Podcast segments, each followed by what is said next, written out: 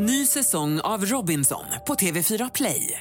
Hetta, storm, hunger. Det har hela tiden varit en kamp. Nu är det blod och tårar. Fan händer just nu. Det. är Detta är inte okej. Robinson 2024, nu fucking kör vi! Streama söndag på TV4 Play. Du lyssnar på en podcast från Expressen. Fler poddar hittar du på expressen.se podcast och på iTunes. Det här är Expressen Dokument om att invånarna i Los Angeles förbereder sig för katastrofen. Av Linda Flod och Ann-Sofie Näslund som jag, Johan Bengtsson, läser upp. Forskare, räddningsarbetare och invånare gör sig beredda. Att jordbävningen The Big One ska slå till mot södra Kalifornien står klart. Frågan är bara när. I Los Angeles storstadsområde rustar 16 miljoner människor för skalvet. Myndigheterna uppmanar folk att vara förberedda och det försöker vi vara. Vi har förnödenheter hemma för en vecka, säger Rachel Schmalkholm, 36.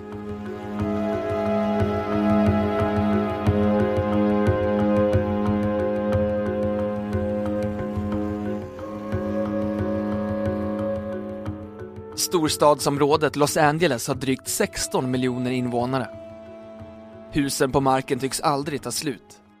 Mil efter mil står villorna uppradade i lyxiga bostadsområden med välskötta trädgårdar och pooler och i fattiga förortsgränder med gräsmattor som ser ut som lapptäcken.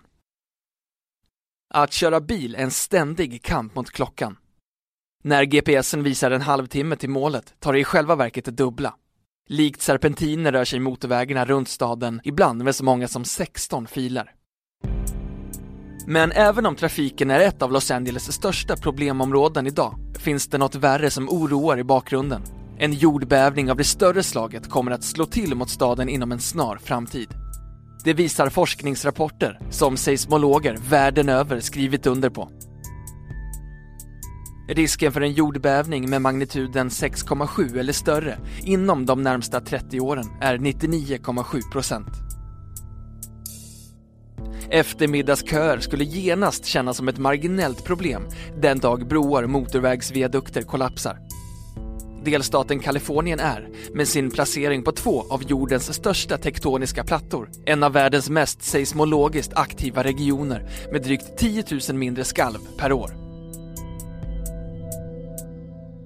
San Andreas-förkastningen kallas den gränslinje mellan Stilla havsplattan och Nordamerikanska plattan som löper genom Kalifornien. San Francisco är på väg mot Los Angeles med en hastighet av cirka 5 cm per år. Om några miljoner år kommer de båda städerna att smälta samman. Det amerikanska geologiska institutet har arbetat utifrån ett fiktivt scenario med en möjlig jordbävning som når 7,8 på Richterskalan.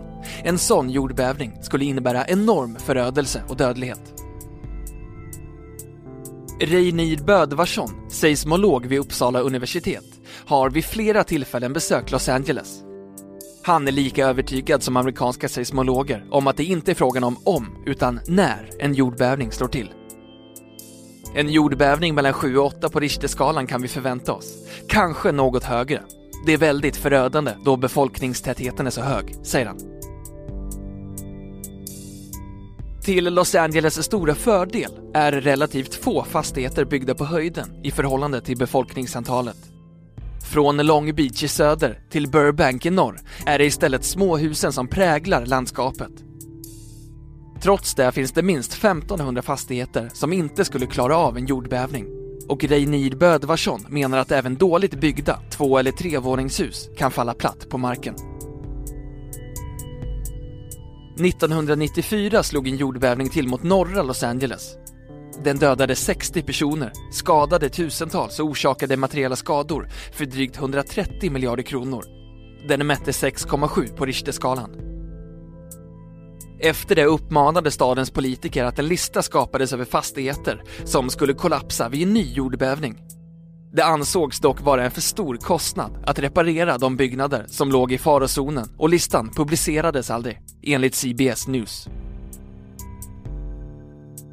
Nu har tidningen Los Angeles Times satt samman en lista på över tusen byggnader som står i riskzonen att falla vid en större jordbävning. De flesta av dem är byggda av tegel och betong under 20 och 30-talen när stadens tillväxt sköt i höjden.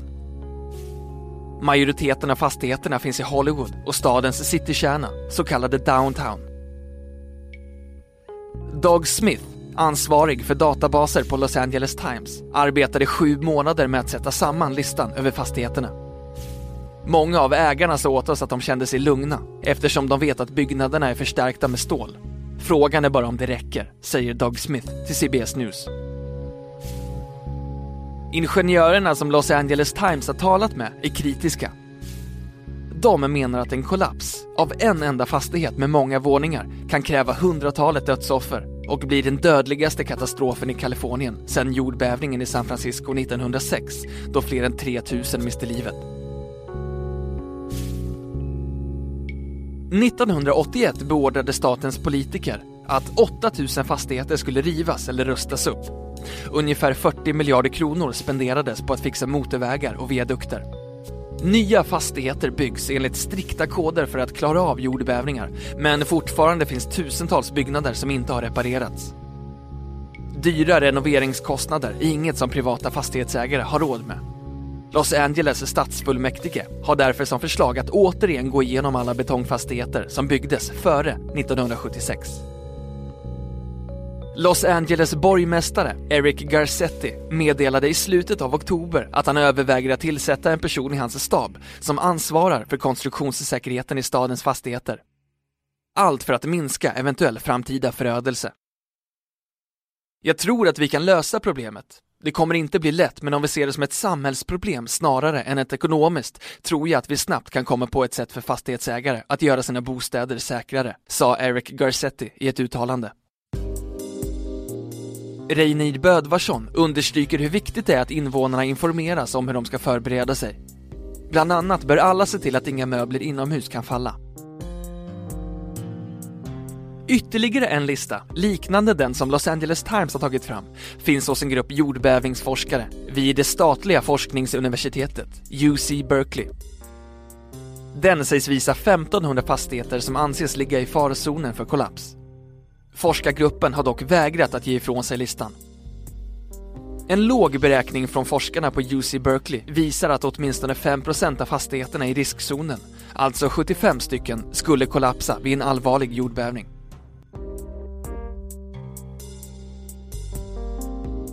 På nätet finns flera sajter med information om hur man ska förbereda sig för en stor jordbävning. Ficklampor, konserver, batteridriven radio, regnkläder, mediciner är bara några av sakerna som invånarna uppmanas att ha tillgängliga hemma.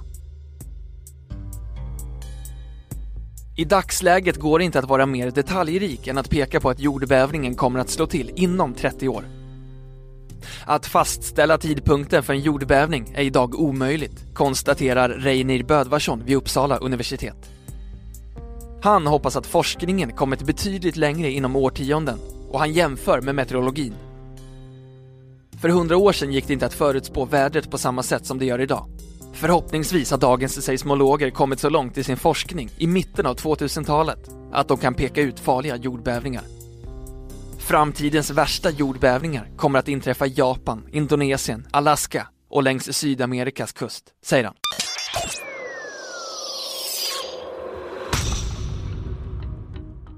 Du har lyssnat på en podcast från Expressen. Ansvarig utgivare är Thomas Mattsson.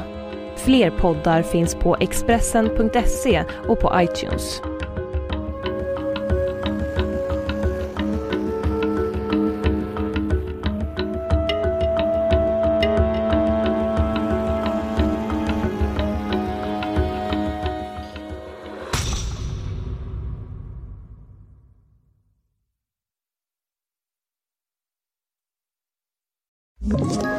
Ett poddtips från Podplay. I podden Något Kaiko garanterar östgötarna Brutti och jag, Davva, dig en stor dos skratt. Där följer jag pladask för köttätandet igen. Man är lite som en jävla vampyr. Man har fått lite blodsmak och då måste man ha mer. Udda spaningar, fängslande anekdoter och en och annan arg rant.